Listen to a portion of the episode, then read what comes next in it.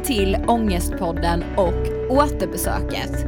I återbesöket har vi kallat sex av våra gamla gäster på ett återbesök för att stämma av hur livet sett ut sen sist de gästade.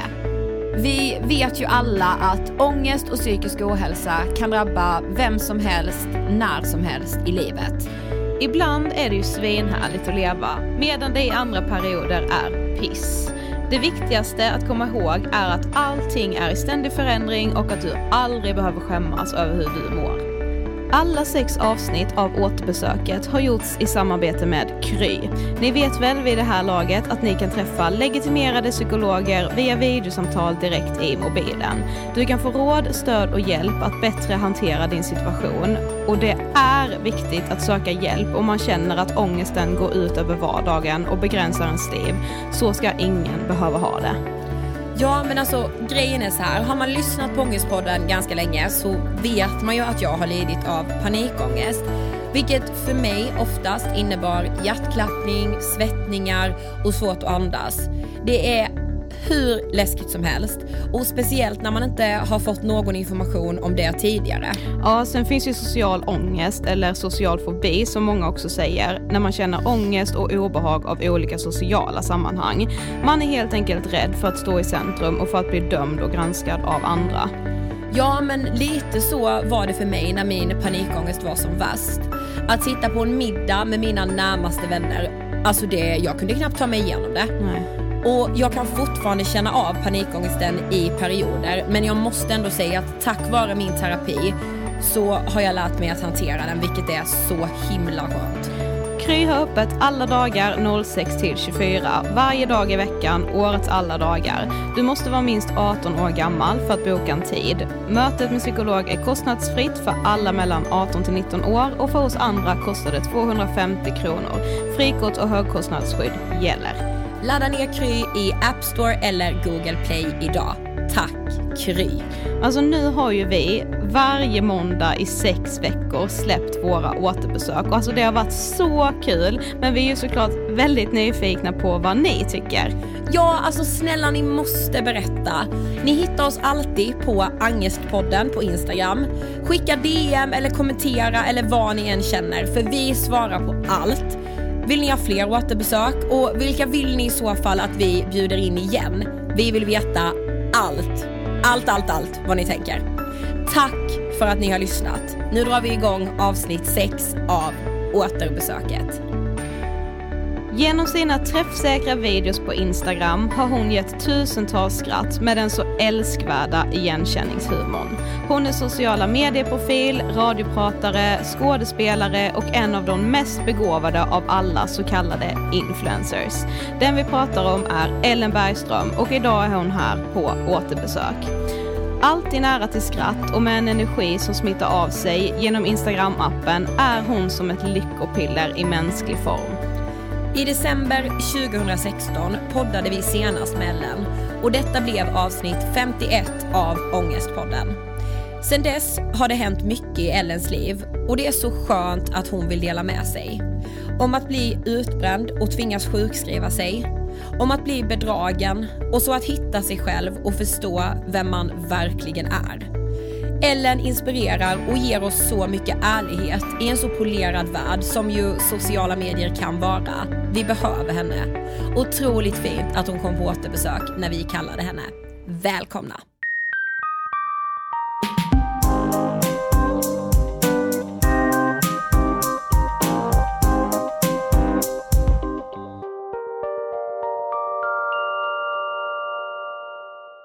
Hej Ellen och hjärtligt välkommen till återbesöket i Ångestpodden! Tack så mycket! Hur mår du? Jo men jag mår bra.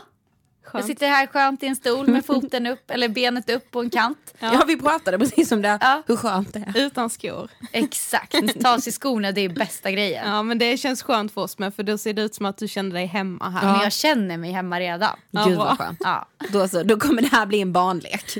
ja. Men liksom, hur, kände, alltså, hur känns det att vara tillbaka? Kändes det självklart att komma tillbaka till oss?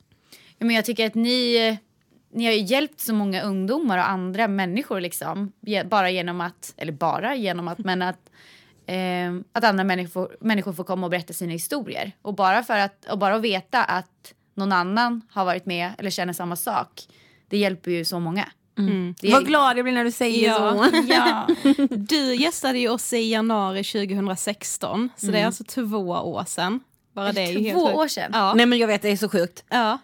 Och det har ju hänt väldigt mycket i ditt liv sedan dess. Ja. Men eh, redan då så fick du ju vår standardångest på den frågan. Vad tänker du på när du hör ordet ångest? Ja. Och vi ska lyssna på vad du eh, sa då. Ehm, jag tänker på... um, Jag, menar, jag tänker direkt på så här en bröst, alltså så här typ en bröstsammandragning, typ eh, svårt att andas. Ehm, jag tänker på, um, ja men typ eh, när man bara grå, alltså typ gråter. Eh, ja, eller nå- någonting som känns i magen när det är liksom bara magen, bröstet, regionen någonstans. Hur känns det när du hör det? Nej men det... Det skulle jag nog säga idag också. Kanske inte gråtet. Nej. Ehm, men... eh, och inte bröstet. Utan när jag får ångest nu så sitter det mer i magen. Mm. Men det är ju absolut inte lika ofta som det var då. Och det blir ju inte gråt. Nej. Nej men för jag tänkte ändå det så att du sa, svarade liksom väldigt så här, ja men så här, så här känns det för mig. Men sen du var här senast då, för två år sedan, vilket är så sjukt, har det varit mycket ångest i ditt liv? Jo men det har det varit. Mm. Men eh, jag har ju... eh, det har ju verkligen blivit en förbättring nu. Och jag tror mycket har handlat om att jag har stressat ner otroligt mycket och eh, har satt upp vissa regler. ehm, att jag inte ska ta på mig så mycket uppdrag. Eh, då, då, jag tror att det här januari 2016, det var under år 2016 som jag liksom brände ut mig totalt. Jag tackade bara ja till allt i princip. Och jag vet inte, jag ville väl vara någon slags superwoman och bara göra allt. Och det var lite kul och liksom, men jag kände mig lite business liksom. Ja. ja det, jag fattar verkligen vad du Ja, menar. och det var ju det var härligt liksom att man Ja, men någon frågar bara, men kan vi ses? Nej, alltså jag har helt fullbokat i kalendern. Det lät ju liksom bra. Ja. Men sen visade det sig att det var inte så bra. Nej men tyvärr är det väl lite så idealet säger att det ska låta. Alltså speciellt när man är typ i den här branschen eller man liksom lever i det här, alltså så här startup-världen eller liksom alla som håller på med sociala medier och så att man ska vara så jäkla upptagen. Man känner sig inte så duktig de veckorna när kalendern är ganska tom. Men det blir ju så när man, när man har ett jobb som är, alltså det är ju frilans liksom. Precis. Där man, eh, alla vet inte vad ordet frilans är. Nej. Men det är liksom att man helt enkelt tar, eh, om man får jobb och man gör det på faktura i princip. Ja. Istället för att man är anställd av någon. Det är frilans. Ja, och det kan ju kännas många gånger ganska osäkert. Det är ju osäkert också. För att eh, då vet du, ibland så kan man ju få jobb liksom. Även om man är frilans så kan man ju ha, ja men du kommer jobba en gång i månaden under det här året och du tjänar, kommer få så här mycket liksom. Då kan man ändå ha rätt mycket koll. Men ofta är det ju inte så. Nej verkligen inte. Så det är ju väldigt osäkert och jag tror att då känner sig uppbokad på saker, att man känner att ja, men kalendern är lite fylld. Det blir ju en så här, någon slags bekräftelse eh, som man annars kanske hade fått på jobbet genom att man har saker att göra för att då är det någon som säger det här ska du göra. Precis. Men nu måste man istället själv typ fixa jobb. Ja men under hösten där sen 2016 så började jag jobba på Vakna med Energy och i november sen så blev du sjukskriven för just stress. Eh, Kan du berätta lite om den perioden? Ja, det var... Dels så skaffade då jag och min dåvarande pojkvän en hund. Så jag hade en hundvalp. Just. Eh, och då hade de på Energy sagt att jag skulle få ha hunden på jobbet. Men sen när väl hunden kom till världen och allt sådär, då fick inte jag ha hund på jobbet. Ehm, vilket då gjorde att jag, fick, jag gick upp 5.30 på morgonen. Åkte till radion, jobbade där, tog, fick, ta, tog en taxi från jobbet, åkte till min dåvarande killes eh, jobb. Han kommer ut med hunden i famnen, stoppar in den i taxin, jag åker hem, går ut och går ett varv. Och sen går jag typ och lägger mig i så tre timmar och sover. Och ibland så var hunden, Kesha då, jättetrött, ibland inte.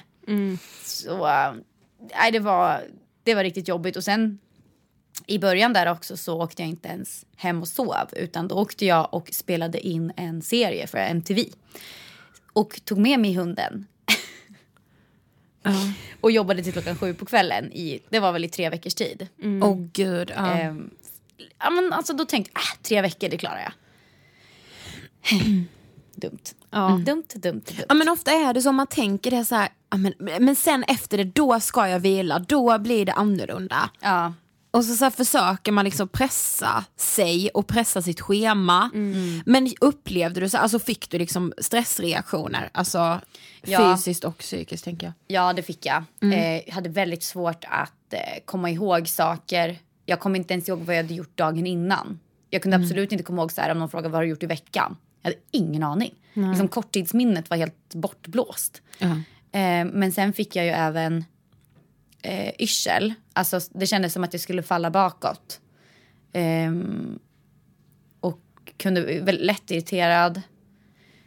Ehm, ja, men, så här, bara vanliga hushållssysslor var jättejobbiga. Bara så här, att ta undan maten och ställa in den i diskmaskinen var liksom värsta projektet.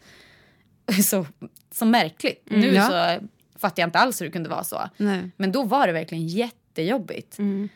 Och, ehm, nej, och sen i slutet så, när jag verkligen bestämde mig för att nej, men nu, nu, nu får det här vara nog. Då låg jag i soffan och jag kunde inte röra kroppen. Det var som, jag vet inte om ni har haft sömnparalys någon gång. Nej. Men då är det att man, alltså man, det är när man ligger och sover och sen är du vaken i huvudet men du kan inte röra kroppen. Så du har ögonen öppna, du ser allting men du kan inte röra kroppen. Jätteobehagligt var det. Och då bestämde jag mig bara, nej nu är det bara säga nej till allting liksom. Mm. Men var det ändå så här ett enkelt beslut att ta då? För det känns ändå så här, det känns som ett jobbigt beslut att ta för väldigt många. Att liksom ta det steget och bara, men, nej, men jag måste sjukskriva mig. Det som var jobbigast var ju att man kände att man typ hade ljugit för andra. Att man kunde jobba liksom. Ja. Fast ja, men det kändes som att folk skulle bli arga på, på en. Men alla tog det jättebra. Och alla skrev, jag har själv varit där. Ja.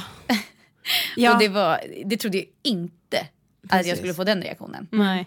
Men jag minns det Instagram-inlägget när du skrev om det. Och för just då var jag verkligen också i en sån period där jag, ja, men jag bara, jag har jobbat för mycket, vad fan håller jag på med? Jag mådde så dåligt. Och så skrev du det och jag bara, alltså det är exakt så som jag känner. Alltså så på pricken. Och det är ju så skönt, för då blir man ju så här, okej jag är ju inte sjuk i huvudet ändå. Nej, alltså, precis. Men det som är det svåra sen, när, man, när jag väl var sjukskriven, det var ju det här att jag var tvungen att vara sjuk för allmänheten kändes det som. Ja. Ja, Att jag fick inte vara glad. Fast egentligen det mesta man behöver är att vara glad och skratta Precis. och liksom bara få vara fri och, vara, och röra sig bland sina vänner och liksom så.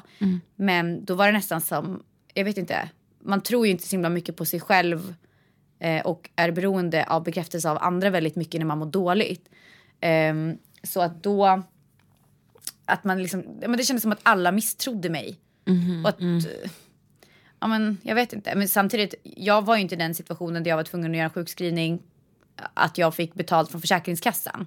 Där vet jag att då, då kan det väl vara lite sådär. precis. Men eh, jag sjukskrev mig bara för att jag sk- liksom, mer skulle ha det på papper så att jag skulle hålla mig hemma. I princip. Men det där är så sjukt, alltså det gör ju mig så jävla förbannad. För om någon bryter ett ben så är det så här, ja, men ingen skulle ifrågasätta om den personen skrattar. Nej. Men alltså, just när det är psykiskt så bara va? Ska inte du gråta hela tiden typ? Precis. Ja, alltså, ja. Men det är så svårt också. Sen tror jag också så här, jag tror det här beror ju också på att det är många som har utnyttjat systemet. För det Ja. är ju väldigt, alltså eftersom att man inte kan på riktigt, man kan ju mäta vissa nivåer så i kroppen och se att en människa är stressad. Men man kan ju, jag menar på mig så syntes det inte på mina tester. Så f- ma- människor har ju utnyttjat det här och säger att nej men jag är utbränd för att få sjukpengar. Och det är de människorna som på något sätt har förstört för de som faktiskt blir Precis. eh, som faktiskt är utbrända och sjuka. Liksom. Men jag tror... Eh, man, man måste bara tro på... Ja, men människor säger att den är utbränd. Alltså, det är bara, man måste tro på det. Man kan inte göra något annat. Nej. Alltså, det, vadå? Det skadar ju inte andra människor runt omkring direkt. Nej, vet nej men inte. exakt. Ja. Men som sagt så skrev du ju väldigt öppet ändå om att så här, bara, nu är jag sjukskriven och sådär. Och vi pratade senast du var här om just att vara väldigt ärlig på sociala medier och då i ditt fall Instagram. Och då sa du så här. Ja, alltså det är därför jag ju brottas med hela tiden just med att alltså om jag har ett problem och jag skriver om det så ska folk alltid hitta fel och bara men typ det där är ingenting gumman. och liksom sådär. Och, och så kommer det ju alltid vara.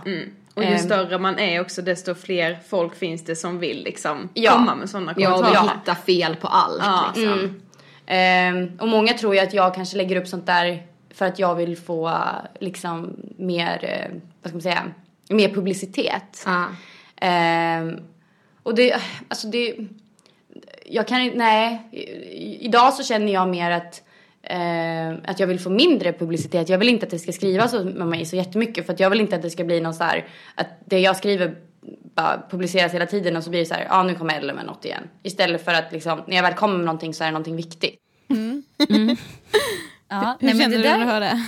ja, men det där kan jag fortfarande stå för. Däremot så är det inte så många som ifrågasätter mig längre när jag skriver saker. Nej. Utan eh, Var det någon som ifrågasatte när du liksom gick ut med din sjukskrivning? ja det var det, för då åkte jag ju utomlands. Och det var ju inte bra. Nej. Att hålla på och gotta sig och åka utomlands när man är sjuk. fan, du ska ju ligga nedbäddad hemma. Exakt. Men alltså folk är så spännande med sånt vad de liksom blir så arga för. Ja. Ja men alla människor, alltså, människor blir irriterade över saker. Jag vet inte. Jag är en sån människa som, jag bryr mig nog inte så himla mycket om andra. Det lät. Nej men jag menar, jag inte bryr mig, jag stör mig inte så mycket på andra. Ska vara rätt. Det här mig inte på som andra. Skiter faktiskt i alla. Familj och vänner. Fuck them, så länge jag har det bra liksom då. Nej men jag stör mig helt enkelt inte så mycket på andra. Nej. Eller jag stör mig typ inte alls på andra. Det är bra. Men typ sen när du såg det då, alltså om någon skrev något, bara, men vadå du borde inte vara sjukskriven eller du kan inte vara stressad. Alltså blev, blev inte du liksom, ja men tar man inte illa upp? Jo, jag blev ju skitlack. Och då, det var ju det här som, som jag nämnde lite tidigare också, det var ju då jag kände att jag var tvungen att visa mig sjuk. Ja, det var precis. samma gång, det var inte så länge sedan när jag sa att jag bara var förkyld och så hade jag sminkat mig. Och då var det någon som bara, men alltså varför sminkar du när du är sjuk? Kom igen. Man bara, alltså jag får väl sminka mig om jag vill vad snacka om. Samma sak, så här, sminka sig och gå på gymmet, det får man inte heller göra. Nej just det får man verkligen inte göra. Nej, man jag ska ju helst då, om man då, jag då som kanske jobbar, alltså har filmat någonting och sen ska gå till gymmet, då ska jag gå in på toaletten och tvätta av mig därför Japp. att inte Ja. någon ska stå och vissla och tissla. Vissla och tissla, vad är det? Vissla. Ja, vissla. Tissla och tassla skulle jag säga. Ja. Men sen slutade du på Energy helt och hållet. Ja. Varför gjorde du det? Nej men det funkade inte i mitt, eh, i mitt liv. Nej. Det, eftersom att jag har, alltså min dröm har aldrig varit att bli radiopratare. Om det däremot hade varit det, då hade jag absolut bara kunnat gjort det. Men jag hade ju så mycket annat och har väldigt mycket annat för mig och andra liksom, ambitioner och drömmar i livet. Vilket gör att min, jag har en regel nu efter jag varit utbränd, det, det är att jag gör en sak om dagen. Vilket gör, då hade inte jag kunnat göra någonting annat. Så, äh, Men vad det var- räknas som en sak då? Alltså så, men ett jobb om man tänker. Gud vad bra. ja. Alltså så himla bra att ha det som regel. Ja, men det är ju inte så många som kan ta efter det för att i och för sig det är många som frilansar idag och så. Ja. Men det livet jag lever lever ju inte så stor procentandel av befolkningen. Nej nej verkligen inte men, men alltså ändå att så här, man får ju hitta regler som passar i ens eget liv. Ja. Och struktur liksom Precis. på något sätt. Det kan ju vara lite svårt med struktur och sådär. Men Ja. Man kan ju alltid försöka. Men vi pratade även också om relationer och då pratade vi specifikt om just så här destruktiva relationer och vad de gör med den. Och vi fick väldigt mycket mail då om att jäkligt många kunde relatera till det du sa. Ja. Eh, för du sa så här. För mig så har det typ, alltså det, det är så hemskt att säga men hela mitt liv har nog typ varit bara olika killar hela tiden. Eh, jag, eh, om jag inte haft någon kille att ragga på, typ på Facebook eller på eh, men alltså jag sökte alltid efter snygga killar som jag kunde skriva med för att liksom på något sätt, ja, jag antar ett bekräftelsebehov. Så här. Ehm, och sen när man väl fick den där snygga killen så visade det sig att han kanske inte var så schysst egentligen. Ja, men sen så var man ju, då hade man ju kämpat så mycket för att få den här killen och då, då fick man ju bara hänga på. Oh my god vad öppen jag är. Jag orkar inte med det. Här är ingen censur.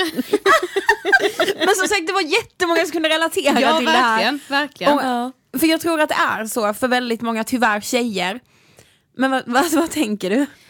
Du hängde på. Jag förstår ju absolut vad jag menar. Ja.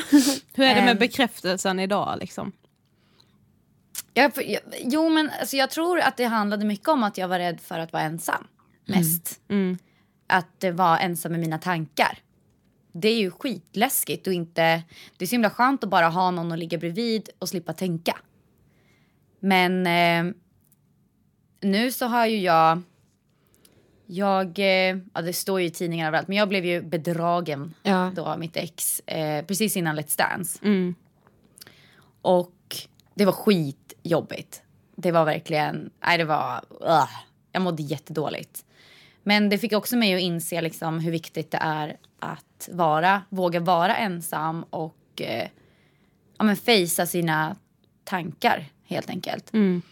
Så jag har eh, ransakat mig själv rejält, gått, och, gått i terapi och eh, vågat eh, vara kritisk mot mig själv på ett, på ett sätt som... Eh, ja, men det är jobbigt att, att, att liksom ta tag i saker som man vet inte... Alltså, eftersom att jag har varit i så mycket destruktiva förhållanden. Att eh, ta tag i de bitarna i mig själv som jag vet inte är bra för mig själv.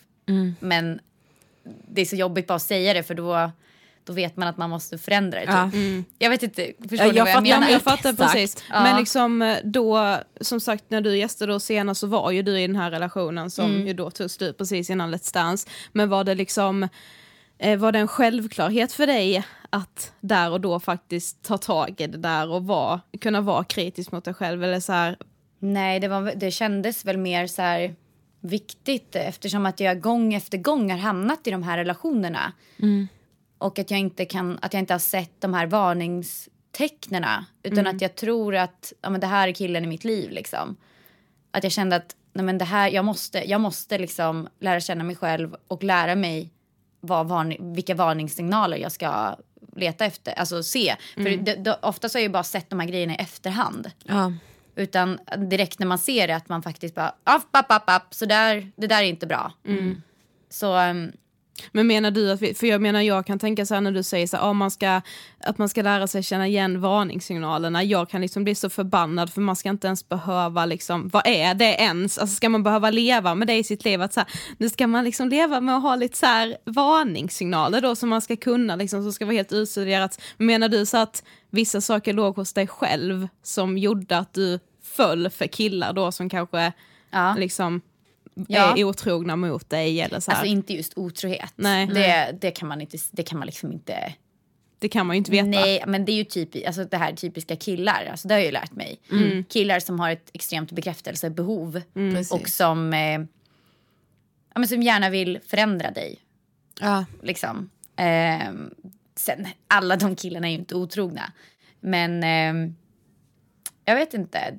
Kärlek är, ska egentligen inte vara så mycket drama Nej. som jag har trott. Nej men precis, alltså just det här med att man då söker kickarna Ja, och i man det ska där blir liksom sams fixa igen. till en person och så här, man Ja. ska liksom... Ja. Nej, och, och också så, ofta så kunde jag komma på mig själv och säga så här, men han, är alltså det, han är inte så egentligen. Ja. Men det finns ing, inget som heter så för att allting som har hänt har hänt. Så det finns inget egentligen. Nej. Men alltså något annat jag tänker mig som måste varit helt fruktansvärt, just som du beskriver då det här uppbrottet, du blev bedragen och samtidigt är det Let's Dance, alltså allas ögon på dig på något sätt. Alltså var inte det en otrolig press? Ja, men det blev ju surrealistiskt. Det var svårt för mig att ta in vad som hade hänt. Det är ju svårt redan innan att ta in om det är någonting Ja. sånt här har hänt. Liksom, man tror inte att det är sant. Det känns ju som, det känns som om vår relation bara var en lögn då. Ja. Och jag är så himla öppen av mig också. Och eh, har svårt kanske att uh, veta vad man ska säga och inte säga. Men sen samtidigt så det är sån jag är och jag bara accepterar det. det För mig så gör det inte så himla mycket att det, det är klart att det kan vara lite jobbigt så här, men vad fan, det hjälper ju andra om man är öppen. Så Ja, men nu är det det som är så härligt med dig. Sen är det väl tyvärr så också att typ journalister och liksom typ Aftonbladet och Expressen rider lite på personer Ja. som är så öppna. Men man får ju tänka på hur många det faktiskt hjälper. Faktiskt. Ja. Och inte tänka bara på den där, även om rubriken inte är så trevlig alltid. Så Nej. texten är ju ofta, den är ofta sanningsenlig. Ja. Oftast. Och Och sen de så brukar vara ganska schyssta.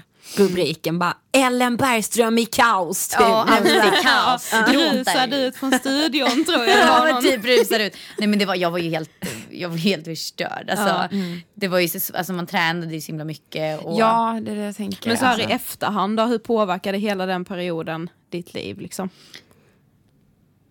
Nej, men jag skulle säga, även om det var jobbigt då så har det påverkat mig positivt nu. För att eh, som sagt så har ju jag blivit tvungen att lära känna mig själv och fejsa vissa saker. Ehm, och jag är inte en sån människa som går runt och ser saker som misslyckanden eller så här, utan jag ser hellre saker, eh, vad det, vad det positiva kommer ur liksom. Jag tror att allting händer för en anledning. Och så har det alltid varit i mitt liv. Vad som än händer. Om det har varit ett jobb som jag inte har fått som jag blir ledsen över eller så här, så har det alltid kommit någonting annat. Så bara, ah, det var därför jag inte skulle ha Ja. det. Liksom. Precis. Så att eh, allting löser sig. Ja, men vi har ett segment i återbesöket som vi gör med alla gäster som heter internet säger. Där vi liksom har skannat internet för att se hur mycket näthat det finns om den här personen. Okej. Och om dig var det faktiskt väldigt lite. Ja. Ja. Ja, vi, vi märkte att så här, väldigt många tycker väldigt mycket om dig. Och det är ju härligt. Det är härligt. Mm. Men lite finns det. Okej. Och så här, tycker Men du det är jobb- väldigt roligt. Ja det är väldigt roligt. Men tycker du det är jobbigt att höra på näthat? Ja, det är klart. Får vi se om det här blir jobbigt. Okej. För på Twitter så är det någon som skriver så här. Ellen Bergström är tydligen svenska stjärnan på löpen nu. Det gör mig till professor i tillämpad mekanik ungefär. Han kan liksom inte förstå att du är stjärna. Ja, han kan inte förstå att jag är en stjärna. Nej, är Tydligen liksom inte. svenska stjärnan på löpet. Jaha. Han var väldigt irriterad. Oj. Tydligen. Ja, men så här, sånt där måste du väl ändå, alltså de där grejerna, jag tänker att Men vad då Man folk som är på, på. löpet, alltså det kan ju vara, det är ju inga hjärnforskare direkt. Nej, jag förstår. så Anna Bok är ju på löpet hela tiden Jo, och hon men är ju alltså- inte Nej. Kirurg. Nej. Nej men vadå alltså, nej men det, och samtidigt så här, jag tycker sånt där är så himla sjukt för det är inte mitt fel att de skriver. Nej, precis. Alltså vad tusan, det spelar ingen roll. Alltså, de kunde ju ta sig grejer jag bara sa och bara skrev en stor grej. Ja, jag kunde ju själv var- sitta där men, men alltså på riktigt, Ja, sluta skriva om mig. Ja, för när du gästade då sist och för två år sedan, då sa du ju bland annat det här, men jag kan nästan känna att jag inte vill att folk ska skriva mer. Mm. Och det var ett tag när det skrevs om dig hela tiden. Hela tiden. Alltså var du en, det var lite som att du så här, så fort du hade gjort ett m- m- jättelitet statement. Det kunde vara en kommentar på Ja, Instagram. precis. Då var det liksom så här en skitstor grej Ja, men jag har gjorde. pratat med, med tidningar och tydligen så klickar folk väldigt mycket på grejer som jag gör och därför gör de så här. Ja. Men jag kan inte se det framför mig hur någon, varför någon skulle vilja klicka på det men tydligen så klickas det. Jag vet clickable. inte. Kanske för att det har kommit, alltså för att de vill läsa, ja nu kanske Ellen har sagt en liten groda. Ja, ja men förmodligen Precis. så. Ja. Har du inte tänkt dig för? Jag tycker själv inte att jag är så intressant liksom. Nej, en annan här som är rätt kul också. Hur jävla jobbig är inte Ellen Bergström? Ett, Skön. Två, Dryg. Tre, Piss jävla dryg. är jag dryg? Ja, hon gjorde en omröstning Ja, gjorde på sin Twitter om omröstning på eh, Twitter. Men eh, Skön vann faktiskt med 44 procent. Så hon blev liksom motbevisad jag i sin egen. Men jag tror att alltså, jag, min humor är ju, jag kan märka det på mig själv också, min humor är ganska rough och jag kan dra skämt utan att skratta efter, lite ironiskt kanske. Ja, då För jag uppfattas att det- nog som ganska dryg. Nej, Men sen det- är jag det också... skulle inte jag Det säga. skulle inte jag Nej, säga heller. Nej, verkligen inte. Men, men, sen, nej, men sen tror jag bara att fan, jag har blivit, jag har blivit liksom...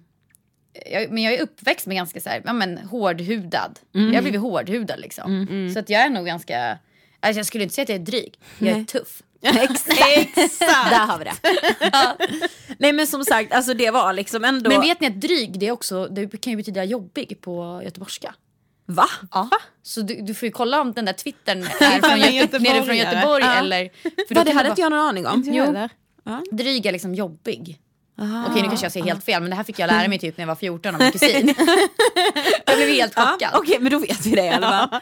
Jo men grejen var så här också att vi tyckte ändå det var väldigt fint att det skrevs så himla mycket fint om dig. Eh, för ja, men jag tror ändå att du är verkligen en person som har hjälpt så många unga människor genom ju- just din ärlighet och din öppenhet. Och sen är det ju också så, när man går in på din Instagram, man blir ju glad för man bara, "Ah, nu fick jag skratta. så här, det är verkligen Finns alltid så. något i skrattet. Men jag har ju faktiskt en liten tes om det här. Jag tror ju absolut, alltså människor blir arga eh, och irriterade på människor där de känner att de inte är när de känner att de, behöver, att de, att de har en fasad och då vill de spräcka hål på den fasaden. Och jag spräcker hål på min fasad. Min är redan spräckt. Ja, precis. alltså jag är vidöppen. man säger så. så jag tror att eh, människor har liksom ingen behov av att spräcka den här fasaden direkt. Nej. För att jag är så himla öppen med det. Så, här.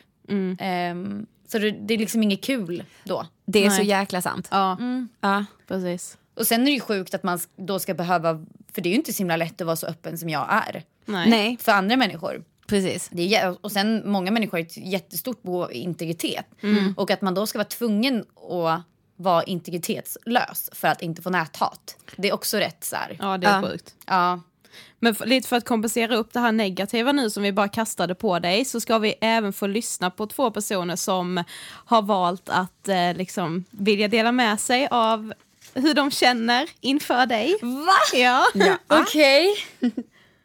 Hej Ellen, jag tycker om dig för att jag tycker du visar upp en väldigt ärlig sida av ditt liv på sociala medier och jag tycker du verkar som en sjukt ärlig och skön person. Det här var alltså från eh, Vilma, en person som följer dig. Men gud vad gullig. En till kommer här. Och så kommer en till här, ja. Hej Ellen! Superroligt att du är med i Ångestpodden. Jag är ett stort fan av dig och följer dig på Instagram. Och jag älskar att kolla på dina stories och eh, man kan alltid skratta åt dig för att du är så himla rolig. Puss och kram från Lisa. Eller hur gulligt? Åh men gud vad fina. Ja, visst är det härligt? Man blir så tack glad. Vilma och Lisa. Åh. Men vet du vad vi gillade? När vi frågade dig när du, om du ville komma tillbaka till återbesöket, då skrev ju du verkligen så här att, ja men att mycket av din ångest idag, att du kan hantera den och att den är mycket mindre än vad den var när du var här senast. Men liksom, har du några så konkreta tips för vad du har gjort? Alltså vi har ju pratat om det egentligen hela avsnittet men Ja, alltså ett är absolut att gå och prata med någon. En terapeut eller en eh, liksom så. Och då går man till vårdcentralen och eh, ja, berättar att man lider av ångest. Eh, och förhoppningsvis så kan de eh, skicka en remiss då. Eh, jag skulle rekommendera att överdriva lite grann, böla Ja, lite extra. Liksom. faktiskt. Ja. Eh, för att tydligen så är det svårt att faktiskt få hjälp. Men eh, så överdriv. ja. Var det första gången i terapi för dig nu, den här omgången? Liksom, eller har du gått i terapi tidigare? Jag har väl gått... mm, Alltså jag har ju gått så här slentrian. Ja. Alltså vi har trott att man går en gång och sen är allting löst. Ja. Den här klassiska, man bara high on life efter och sen bara, nej men nu behöver inte jag gå någon mer. Nej, det kan jag där. Ja. Ehm, nej men så jag gick hos en, eh, hos en tjej, eh, tio gånger något så här klippkort. Eh, så fick man betala 100 kronor per gång eller vad det var. Men sen så eh, gick jag till Daniela Gordon som, eh, hon är med i det här Gift vid första ögonkastet. Så henne går jag hos nu eh, eh, kontinuerligt. Och det har hjälpt mig jättemycket. Och hon är ganska hård så här och typ när jag säger något bara app, app, app, nu vad, vad snackar du om? Eller typ så här, när jag pratar skit om typ någon så bara, fast alltså jag tycker den personen verkar ganska normal. Man bara, fast alltså du ska ju inte hålla med, eller, du, ska ju, du ska ju hålla med mig och bara brassa på som en kompis. Man bara, nej, jag tycker den här personen låter helt normal faktiskt. Bara, Fan, Okej, det är väl jag som, fan. Men jag tror man behöver det. Ja men man behöver någon som faktiskt, för vänner kommer ju alltid bara vara på din sida. Precis. Så man behöver ha någon som inte är på din sida alltid. För, att, för att man ska kunna utvecklas. Annars så går man ju bara in i samma mönster igen. Eh, och sen två, ehm, hitta någonting, göra någonting som du gör för dig själv. Jag har ju till exempel nu startat, eh, gått en kurs på Beckmans och läs, eh, läser typ formgivning, möbeldesign. Och det har gjort jättemycket för mig. Att få göra någonting som, alltså använda min kreativitet och, och att jag faktiskt nu kommer göra mina egna möbler. Det är första jävla gången. coolt. Ja, så jäkla coolt. Och att det faktiskt, innan så har jag bara, alltså som jag sa förut, liksom, jag har ju bara sagt ja eller nej till saker. Jag får ju så himla mycket förfrågningar. Ja. Och det, så kommer det inte vara för alltid. Eh, men det är så sjukt att jag bara har kunnat sagt ja och nej och sen bara har livet flutit på. Liksom. Ja. Men samtidigt så är inte det så himla kul. För att det blir ju inte vad jag kanske egentligen vill. Nej. Utan det blir ju egentligen bara att jag sätts in i ett sammanhang och så får jag bara hänga på. Så därför nu så känns det jäkligt häftigt att det är någonting som jag har gjort helt själv. Och att jag inte behöver sälja mig själv längre. Nej, Precis. precis. Alltså jag slipper vara en prostitute. Det känns lite som det. Nej men det blir ju lite så. Ja. Ehm, utan nu så säljer jag en produkt och om någon inte gillar den, okej. Men däremot om någon inte gillar mig som person, det är lite mer jobbigt. Ja, precis. Men jag tänkte också på att du åker hem ganska mycket till eh, Vingåker. Ja. Är det liksom ett sätt för dig att slappna av? Ja. Det, jag har ett, ett väldigt stort behov av och jag åker ju hem typ varannan helg. Mm. Och um, nej men bara få vara med min syster, min mamma och pappa. Mm. Med Kesha och min hund som mina föräldrar fick ta hand om eftersom att det funkar inte så bra. Mm. Ehm, och bara släppa allting, typ gå ut i skogen eller gå ut och fiska eller så här. Det, det är verkligen en lyx. Det, Mm. Ja, men det det, är ser så jag som lyx. Ja, men det, så vi känner ju exakt samma med Karlshamn. Alltså det är så skönt att komma hem och bara slappna av Ja. och på något sätt så här släppa storstadshetsen. Ja, nej men det är helt eh, fantastiskt. Jag vill ju flytta till hus nu. Ja, Ja. det Alltså, är så. nu. Ja. Ja, men jag är ju en husmänniska. Jag älskar att hålla på i trädgården och hålla på och men- fippla. Och... Ja men det är då man typ så här går ner i varv. Jag med börjat inse det. Jag bara, alltså jag gillar visst den naturen.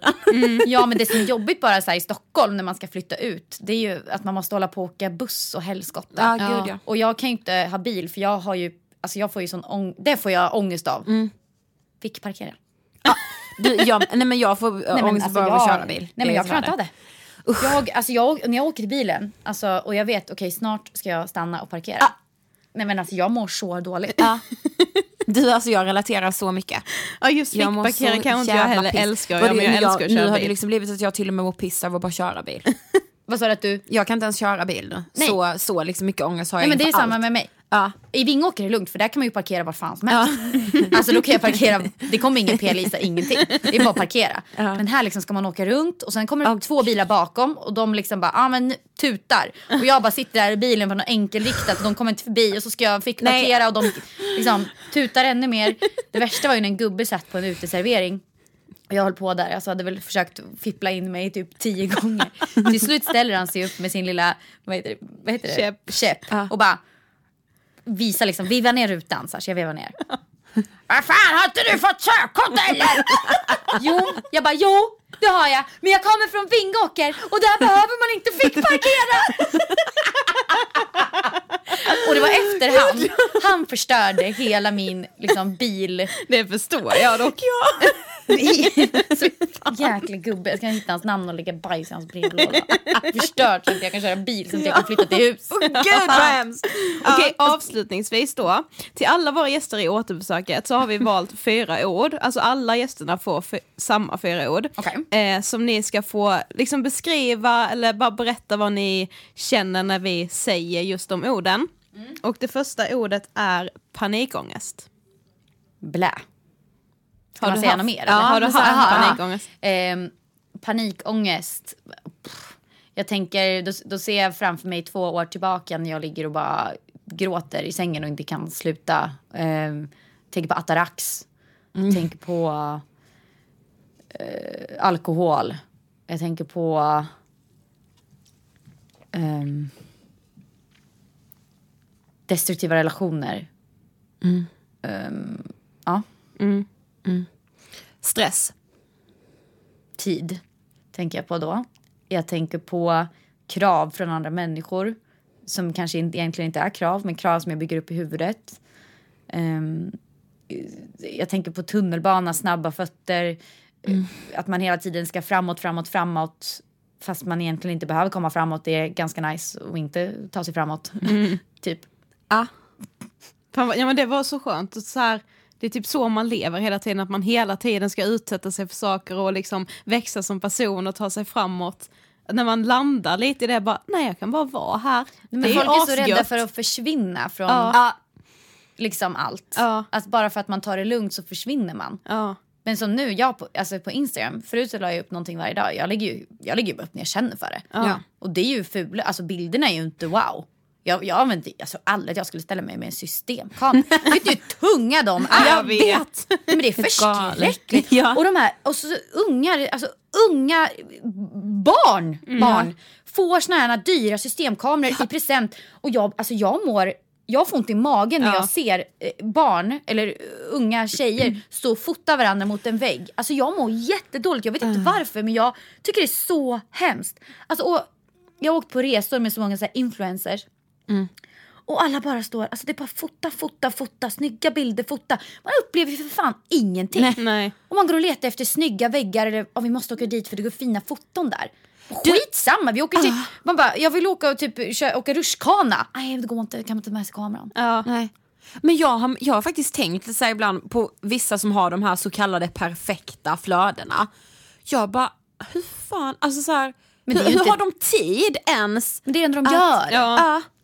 De det- har den tiden för att de sen, njuter inte. Sen måste man ju också så här, tänka att det är deras jobb, det är så de Ja, tjänar pengar. precis, Så det är är ju det. liksom, men, men den tiden har ju inte en vanlig människa Nej. att lägga ner. Och lite så här, man ska inte ta sig den tiden heller. För det är Som bättre en vanlig att bara njuta. Ja. Nej, utan alltså, jag tror mer på så som, alltså, så som jag kör. Det är ju asnice. Mm. Alltså, börja aldrig med systemkamera. Fo- fortsätt fota med mobilen. Ja. Så kan du bara fota när du vill. Och mobilen kan man sätta in i en liten sån här plastpåse. kan du fota under vattnet också. Ja, precis.